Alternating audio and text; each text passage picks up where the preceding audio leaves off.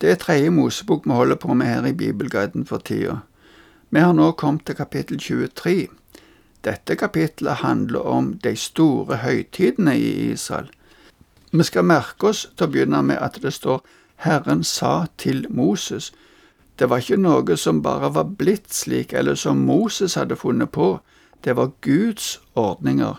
Gud så det som viktig å variere mellom arbeid og hvile, mellom hverdag og fest.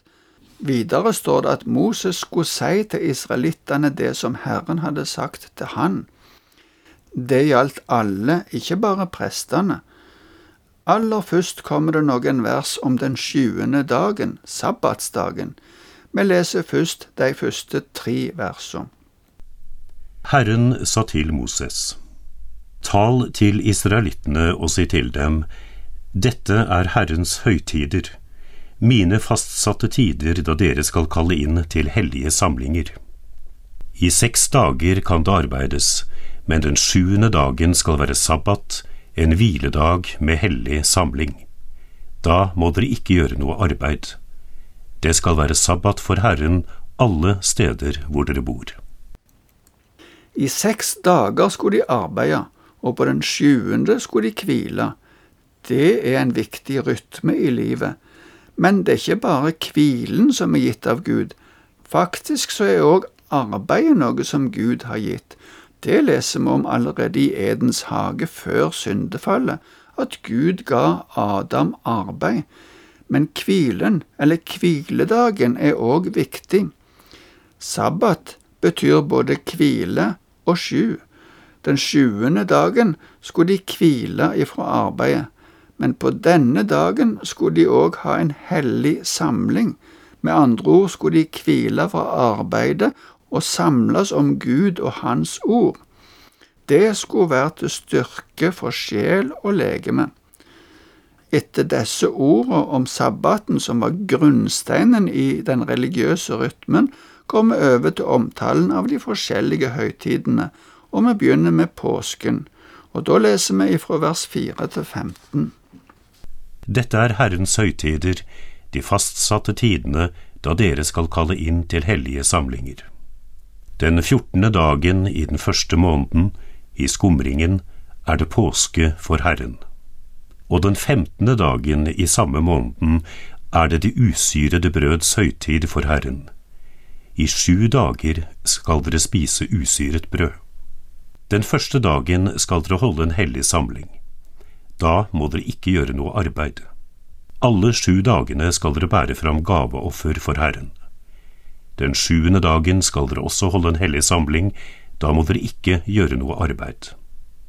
Herren sa til Moses, Tal til israelittene og si til dem, når dere kommer inn i det landet jeg vil gi dere og skjærer kornet der, da skal dere gå til presten med det første kornbåndet dere har skåret. Han skal svinge det for Herrens ansikt så dere kan vinne velvilje.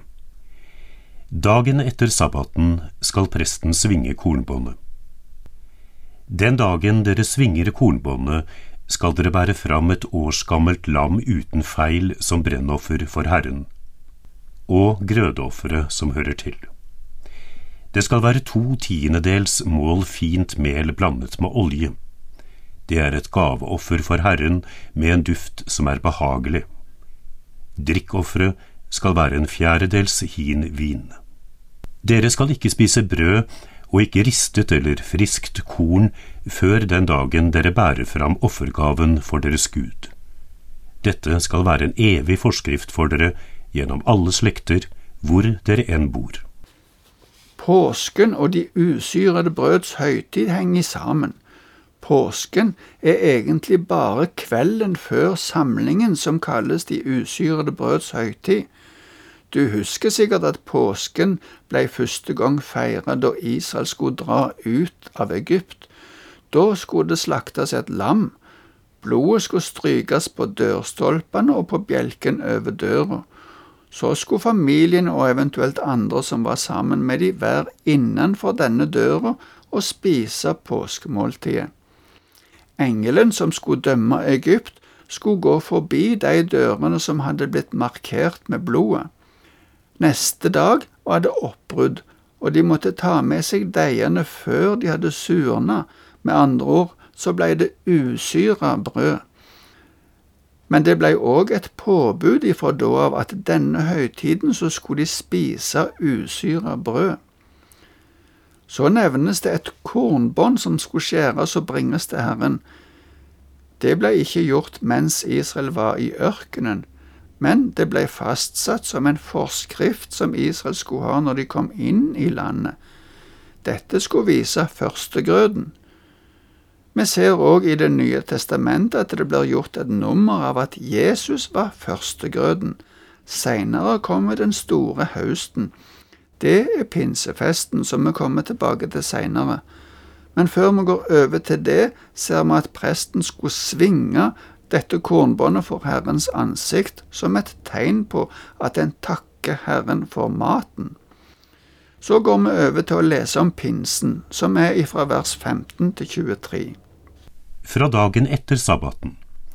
Fra den dagen dere kommer med kornbåndet som skal svinges, skal dere telle sju fulle uker. Dere skal telle 50 dager, til dagen etter den sjuende sabbaten. Da skal dere bære fram for Herren et grødeoffer av den nye grøden. Fra stedene der dere bor, skal dere ta med to brød som skal svinges. De skal være laget av to tiendedels mål fint mel og bakt med surdeig. Det er førstegrøden for Herren.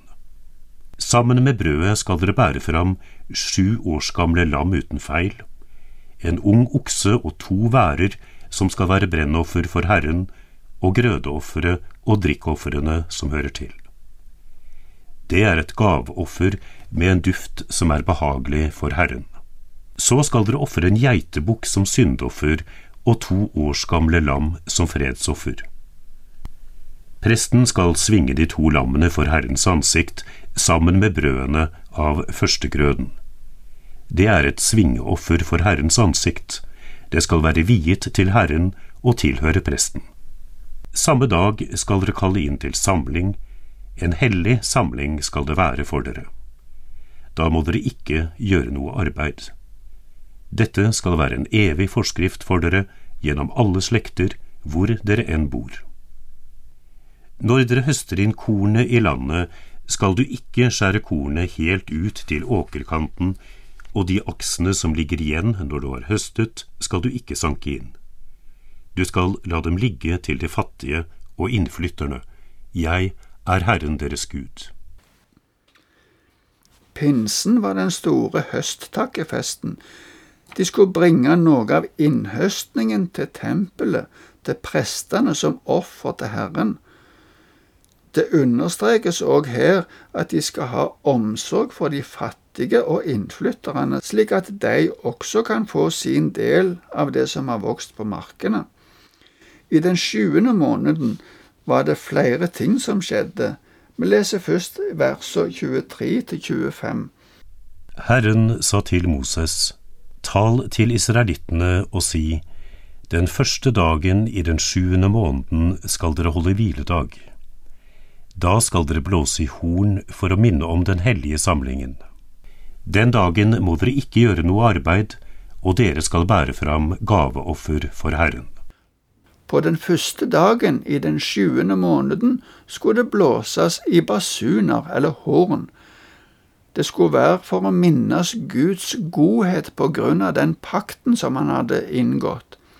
Videre, i den sjuende måneden, så kommer den store soningsdagen på den tiende dagen i denne måneden.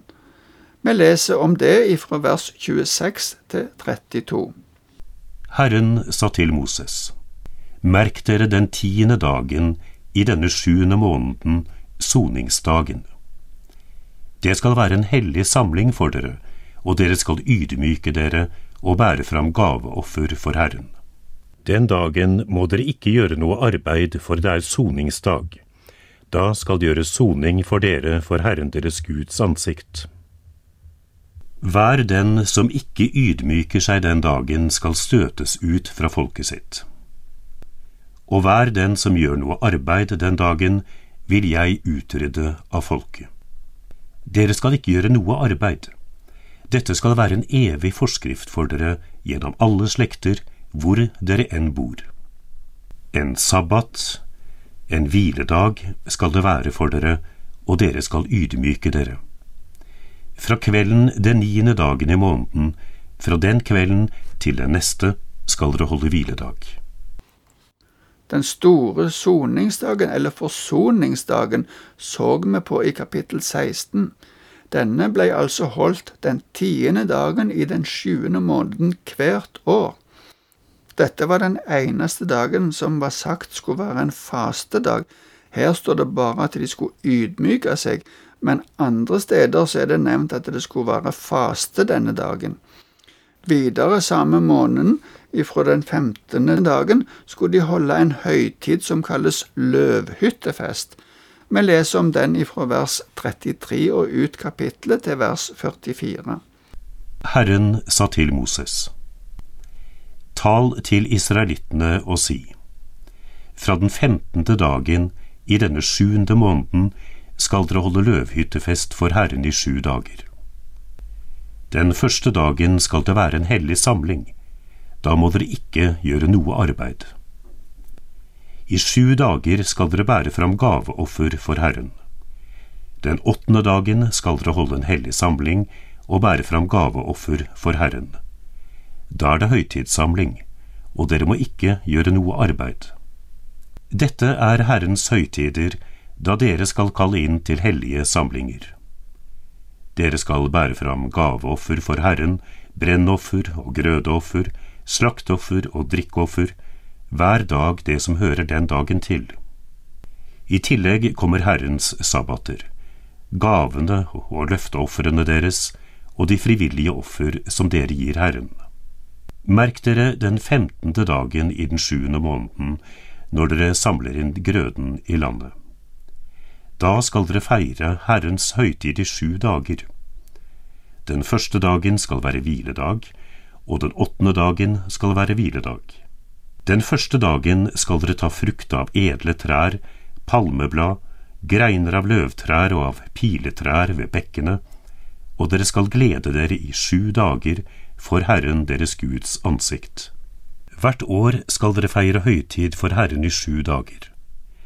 Dette skal være en evig forskrift for dere gjennom alle slekter.